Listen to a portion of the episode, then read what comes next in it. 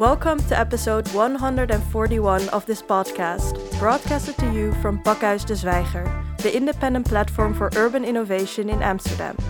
My name is Annick van Rinsum, and joined by Joost de Graaf from Public Spaces, we receive our honored guest, Ethan Zuckerman. Ethan is the founder and director of the Digital Public Infrastructure Initiative at the University of Massachusetts at Amherst and Associate Professor of Public Policy, Information and Communication. Dear Ethan, welcome. It's great to be with you, Annick, and hi, Joost. Nice to see you. Nice to see you as well. Yeah, thank you for being here. Um, next to leading big and prestigious institutions, you also seem to have an eye for the little person in the face of hefty problems. Um, how did you develop this eye, or were you maybe born with it? Oh, well, you're very kind to say that. Um, look, I have been involved with the space of user generated media since the mid 1990s. Uh, I was one of the first tech people with a company called Tripod, which did hosting of homepages for uh, users on the internet.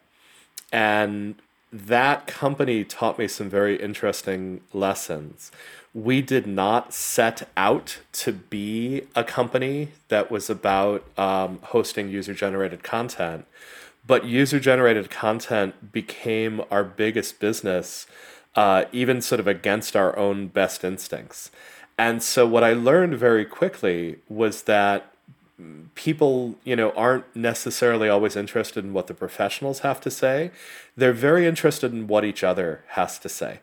And so, building digital spaces where ordinary people can speak is one of the most important things we can do. And and I've been working on that problem now for almost 30 years. Um, so I'm amazed that we still have these conversations about Twitter and Facebook and how these spaces should be governed.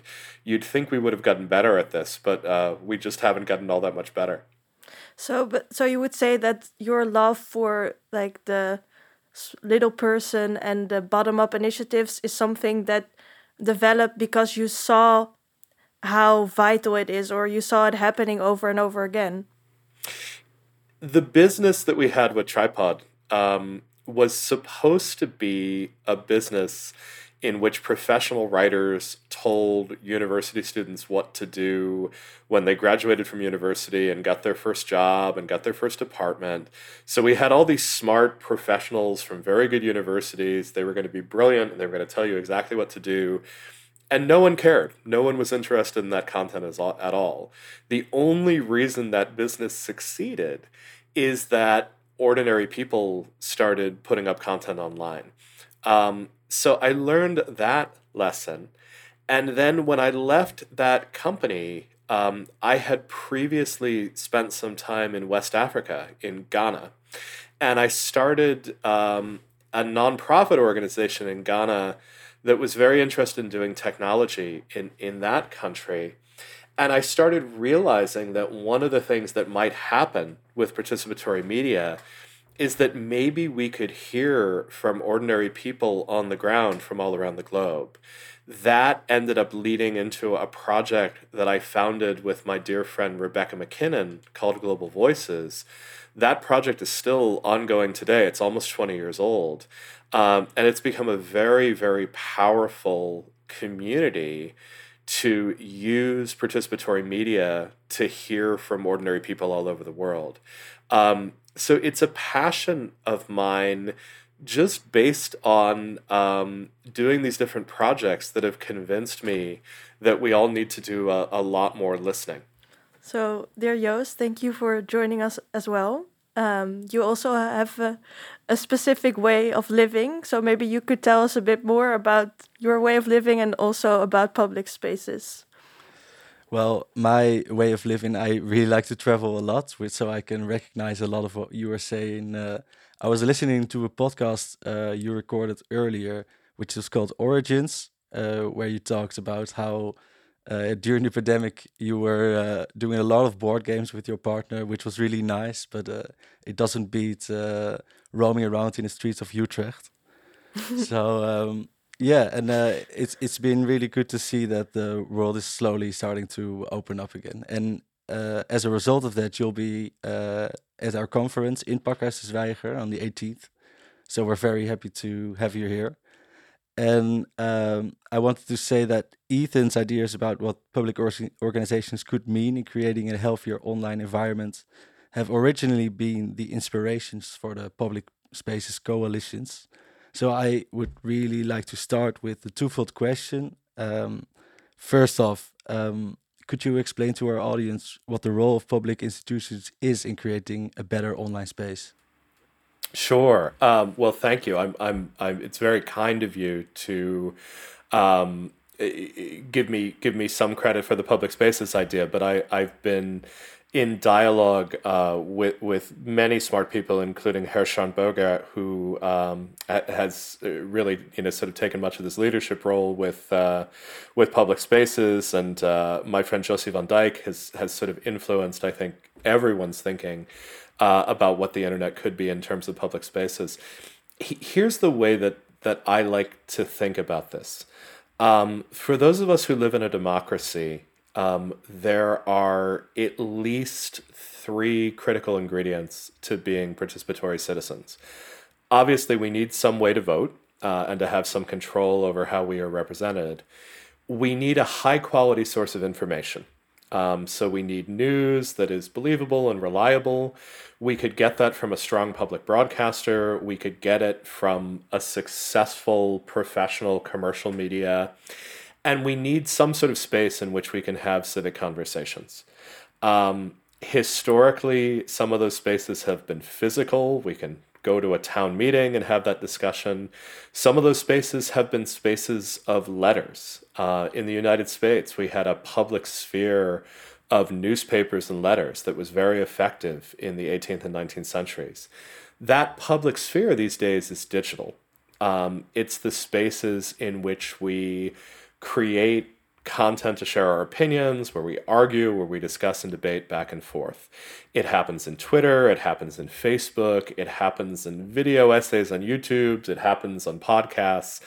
The truth is, most of the places in which it happens are spaces controlled by large corporations. And those corporations are not always interested, first and foremost, in providing that public space what they're most interested in is making money off of selling ads to us. And so often the ways that those spaces work is counter to what we need those spaces to be in our democracy. As an example, people are very worried that Facebook is leading us to become more polarized, more angry, less able to agree with one another. The theory behind this is that when someone posts something that is angry or inflammatory, it tends to get a lot of engagement. Engagement means more page views, it means more attention, it means more ad revenue. So maybe Facebook's incentive is actually counter to the incentive that would be good for us as the public. We have tried to address this problem in the news space through public media we've said, you know, commercial media is really good at some things. If you want coverage of football, commercial media probably has you covered. Lots and lots of people will pay uh, to hear how Ajax is doing. But not necessarily will we get the news that we need purely from the marketplace. And so we have public broadcasters that help make sure we have a big diversity of opinion. I think we might need to do something very similar around these spaces for discussion. And so my work is trying to think about could we use an architecture like public broadcasting? Could we use more broadly this idea of public goods and use that as a way of funding these spaces specifically for civic conversation? We should uh, be the own makers of these spaces. But what's very interesting about um, Elon Musk acquiring Twitter, for example, like he is using, I would say, kind of the same arguments that you are using. Um, he wants to make this public forum out of Twitter, um, and he he wants to give the agency back to to the people but of course, this is not this is not really what is happening. So, what's your perspective on it? Yes, well, Musk is wrong and I'm right. Um, of course. But but more specifically, um, it's really interesting. Musk has said he wants to do three things with Twitter. And the interesting things that he said about this is that they're all quite old fashioned, actually. They sort of uh, are proposals that sort of act as if the last 10 years of social media haven't happened, right? So the first proposal is the one that you're talking about. He's talking about a very simple version of free speech. Um, if it is legal, you should be able to say it online. Okay, well, the truth is, we ran most of our social networks that way when they were first created. And what ended up happening is those spaces often became very toxic and very threatening particularly towards women, towards people of color, towards people who get bullied and get harassed. These spaces became filled with rape threats. They became uh, filled with revenge porn. They became uh, filled with all sorts of ways that people can harm each other through speech and online behavior. And most platforms, including Twitter, have tried to get much more serious about protecting people's rights and creating um, spaces that people actually want to engage in. And now Musk is sort of saying, well, we've gone too far. Well, you know, have we really gone too far when there still are people who suffer very regular harassment? But here's two other things that he says that are surprisingly old fashioned. He said that he wants real name identity on Twitter because that will make it more civil. Well, Facebook's had real name identity since day one. Um, Facebook is not exactly the most polite and civil space out there. Um, part of what makes Twitter fun, actually, is parody accounts. Uh, my fa- one of my favorite accounts on Twitter is called Bored Elon Musk. It's basically someone posting uh, really big, grandiose, and stupid ideas, and uh, maybe Musk wants that to go away. The final thing is that he says he's going to open source Twitter's algorithm. That's just stupid. That actually doesn't make any sense. Twitter's algorithm is machine learning. Um, it's a simple set of rules, but it's very complex behavior because it's been trained on billions and billions of tweets worth of data. Just knowing the rules doesn't actually tell you anything. Twitter actually published a paper, Twitter's own research team published a paper about two months ago saying, hey, we audited our algorithm it turns out that it amplifies the voices of right wing politicians more than left wing politicians. We don't know why. Uh, we think it's really strange. Actually, we'd kind of like to fix it. Maybe the academic community could help us figure this out. So it's not that Twitter has some sort of secret that it's hiding away that Elon Musk can open to the world. Algorithmic behavior these days is really weird and really complicated. So when I hear these things, I really think that Musk is locked somewhere in the mid 2000s. I'm not sure he's actually as up to date as you would want someone leading a network like Twitter to be. Right, and I also think that the our hopes and dreams of what the online space could be have sort of changed over the last, uh, well, let's say, decade or two. Um, and you're completely right. I think maybe he's much more optimistic about how a space such as Twitter could be for the um, for our ability to have a conversation with each other. Um, for example, during the Arab Spring, um, there was a lot of enthusiasm about you know what the social media platforms could do to uh, bring about change. Um, and I read somewhere that you are friends with um, I'm hoping I pronounce this right, Wael Ghonim. He founded Parlia, um, which was supposed to be an alternative uh, where people could have more civil conversations instead of just making movements that don't go anywhere. And I was wondering, as José van Dijck is working on PubHubs uh, at the moment, which has similar goals, um, do you have some lessons from that moment in time that you can sort of share with us? Sure. Well, let's go back a little bit to the Arab Spring. Um, I do think that social media had a critical role to play in the Arab Spring. I think it, it might have been a little less than people give it credit for in Egypt. I actually think it's more than people give it credit for in Tunisia. What happened in Tunisia was protests in the small city of Sidi Bouzid probably would have been invisible except for Facebook. Um, they ended up broadcast on Facebook.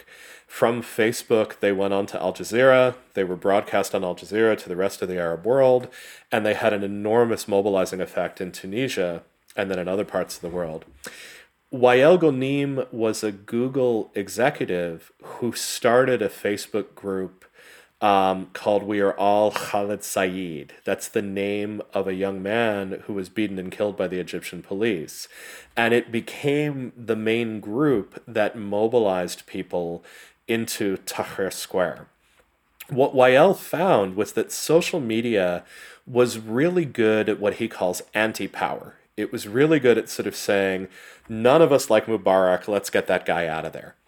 And so you ended up in Egypt with this really weird alliance. You had these young progressives, you had Egyptian communists, and you also had the Muslim Brotherhood, who maybe had nothing in common except that they didn't like Mubarak. So they got together and they, they kicked him out. What Facebook proved to be really bad at was having the conversation about what should come next. And Ghonim looked at this and said, We need a different sort of space. We need a space that is shockingly polite, incredibly civil, carefully moderated. And that's what Parlia was meant to be. It was meant to be a space not for everybody, but for a small group of people who are very interested in politics, very interested in the future of society, to have these conversations with one another. I think Ghonim made a critical mistake, which is he tried to do it with venture capital funding. And what happened was someone said, This is cool, let's sell it to Quora. And now it doesn't exist anymore. Um, I think José Van Dijck is smart enough that she'll do this differently. And I think she sees uh, PubHub as the possibility of doing a social media network as a social experiment. So, um, this is a really big question, but I hope that you can help us thinking about how to appro approach it, and that is how can we change the things in this world that we don't agree with? Well, that's about as big a question as you could possibly uh, uh, give me, Annick. Um, I know. So, I think I want to advocate for for two things. I think the first thing that I want to advocate for is that many people are overwhelmed by the scale of problems in the world today. There is a sense that a problem like climate change or a problem like authoritarian governments like Russia is so massive that governments can't figure out what to do. How can individuals possibly figure out what to do? I think the answer is we have to be careful about not putting ourselves on the sidelines and deciding that we can't be of influence. The book that I wrote, Mistrust, tries to make the case that even if you don't feel comfortable changing the world through passing laws, for instance, you might feel comfortable changing people's attitudes uh, by making media and sort of advocating for that attitude change. Maybe you feel comfortable building a business, and businesses, if done right, can make change at scale. Um, maybe you feel someone who can make change through code and putting computer code out in the world and helping people interact and, and behave in different ways. So I think the first thing is to sort of understand that even if you feel overwhelmed, you need to find a way to be engaged and effective. And I'm trying to do that personally as well. I'm very overwhelmed by the state of US politics. I think my country is actually in very severe trouble right now.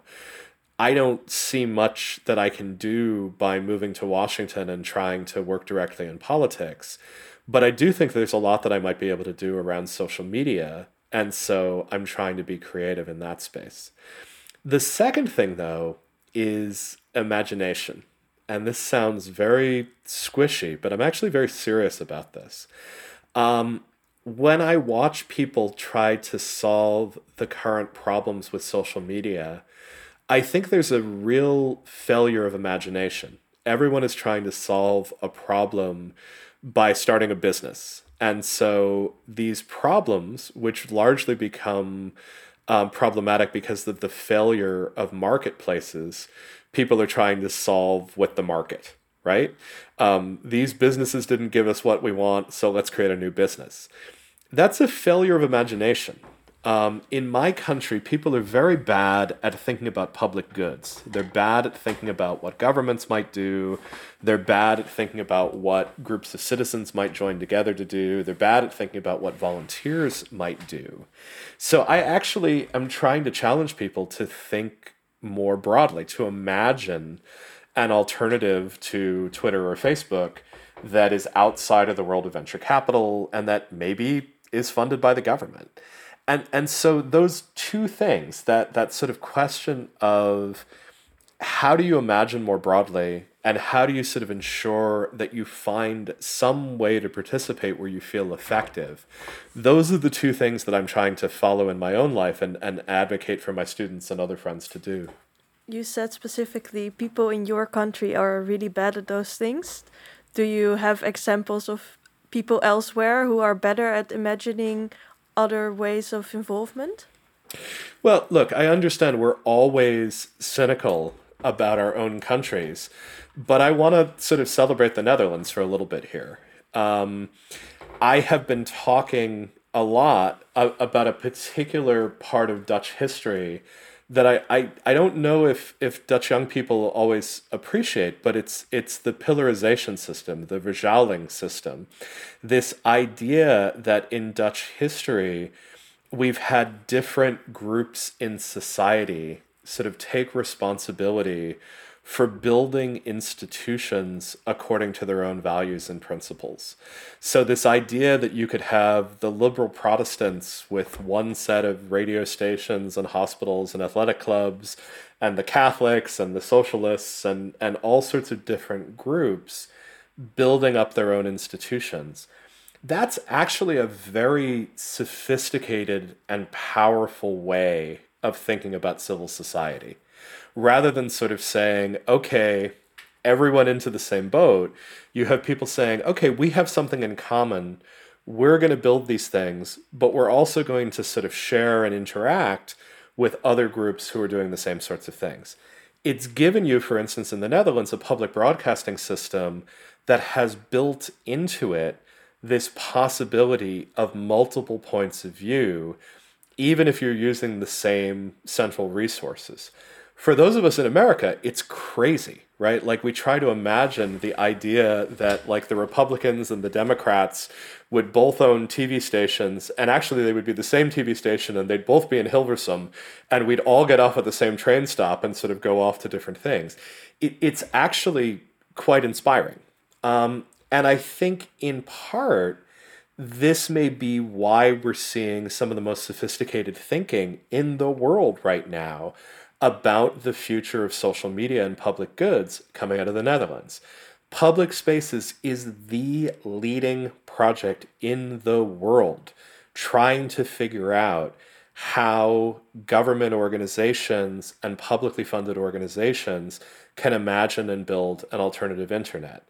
Thinkers like José van Dijck are the leading thinkers in the world trying to figure out how to solve these problems. So I get it. I understand that everyone is skeptical and sometimes contemptuous of the thinking going on at home. But I look to the Netherlands actually as my key example of how things might be done differently. Okay, but can you explain why you think that verzuiling has something to do with public spaces coming into existence? So verzuiling is an example of how you build institutions that aren't just about serving the whole population, but are about serving groups of people who want to work together. The idea, my idea at least, is not that you should have a single Dutch public space. So, in this sense, I, I disagree with José. I'll be interested to see when we have a conversation about it. I think you should have hundreds or thousands of them. And I think they should find ways to interact with one another, to share resources. I think we as humans have multiple affiliations and multiple identities. And I think Verzuiling actually has this really interesting history of being I am part of this group, but I'm also part of this nation, and I share resources with this other group. I actually think it's a much healthier way of thinking about how human societies organize themselves than exists in most countries. So you might be just as old fashioned as Elon Musk. Perhaps. I hope not. Um, but I actually think there's something in this history which I know feels like ancient history um, to Dutch people. But I actually think there's there's a special genius associated with it. And obviously, we uh, also have similar problems that you guys have in the United States. Of course, uh, of course. I'm not. I'm not trying to idealize these things, but I am trying to give you a sense from outside of some of the things that actually are very inspiring to people watching the Netherlands at the moment. Right. Yeah. No, because uh, actually, like trust in the Netherlands in institutions has gone down also a lot. Mm -hmm. And in your book, you uh, talked about the difference between synthetic mistrust and organic mistrust. I was wondering if you were willing to give us a quick example of that, because we sure. have similar forces here. Yeah, sort of trying to go around the political system, saying you are, I am the only person that you can trust, and perhaps would you think there is a a way we can organize synthetic trust and organic trust? Well, that one's hard. I can definitely help you on the question of, of synthetic versus organic mistrust. So, in the United States, um, we have a really shameful history of racial segregation. Uh, we are a nation built on slavery. Um, we still have a terrible history of mistreatment of black and brown people that we have not fully reckoned with. And the United States is still not a fair place uh, for our African American citizens, and in fact, many of our racial minority citizens. Um, if you are an African American, it makes perfect sense to be mistrustful of government institutions. Those institutions, historically, uh, have not been fairly representative. And generally speaking, if you look at trust in institutions in the United States, black Americans are less trusting than white Americans. And that makes sense. To me, that's organic mistrust. Um, you have a system that has failed you, it hasn't represented you. Of course, you are mistrustful of it.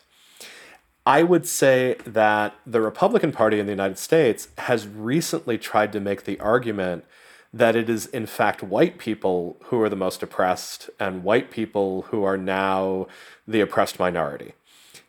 I certainly don't think that's true. I don't think any of the evidence supports it. But it is a very appealing narrative if you are a white person who sees your economic status failing.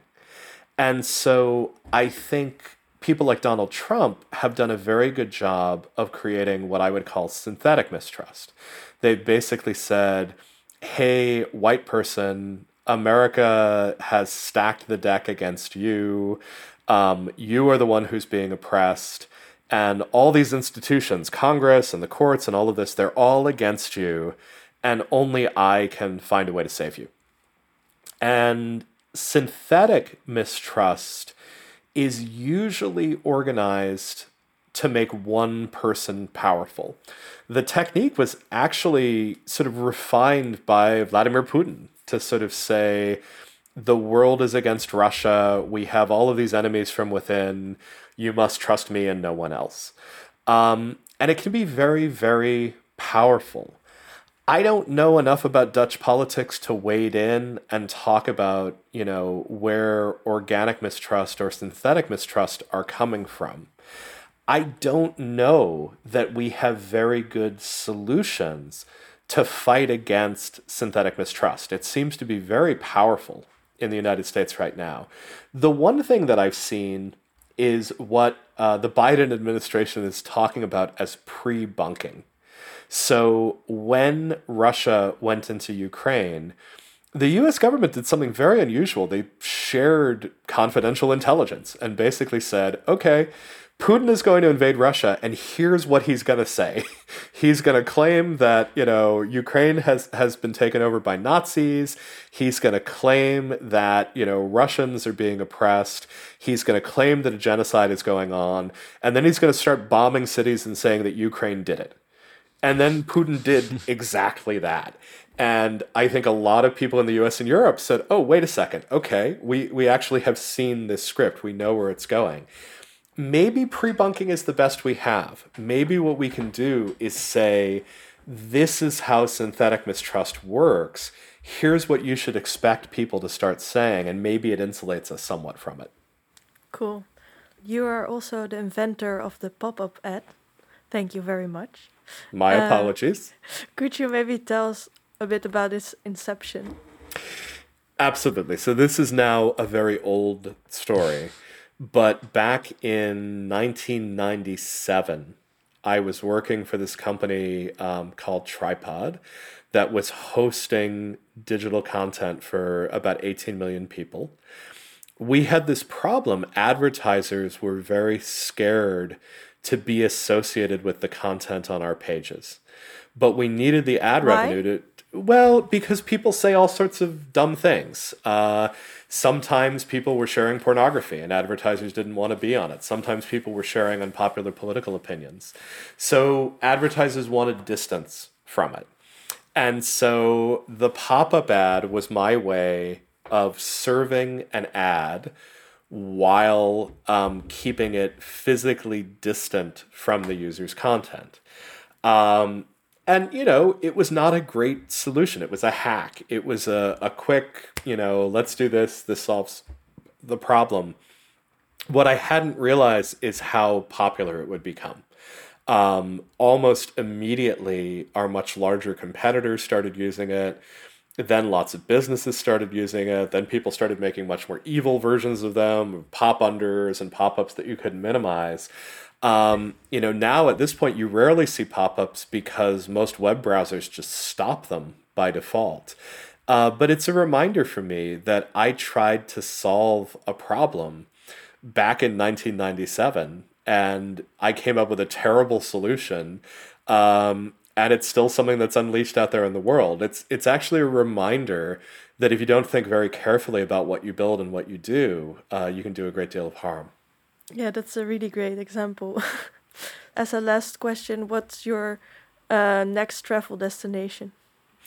Well, I'm about to get on an airplane and I will go to London, Paris, Copenhagen, Utrecht, Amsterdam, and then back home. So I'll be in the Netherlands soon. I'm looking forward to it. I'm planning on filling my suitcase entirely with cheese and bringing it back home. Um, so it should be a very good trip. That's amazing. Thank you very much, Ethan Zuckerman. Dear listeners, this was episode 141 of the podcast series by Pakhuis de Zwijger. Do you want to know more about this topic?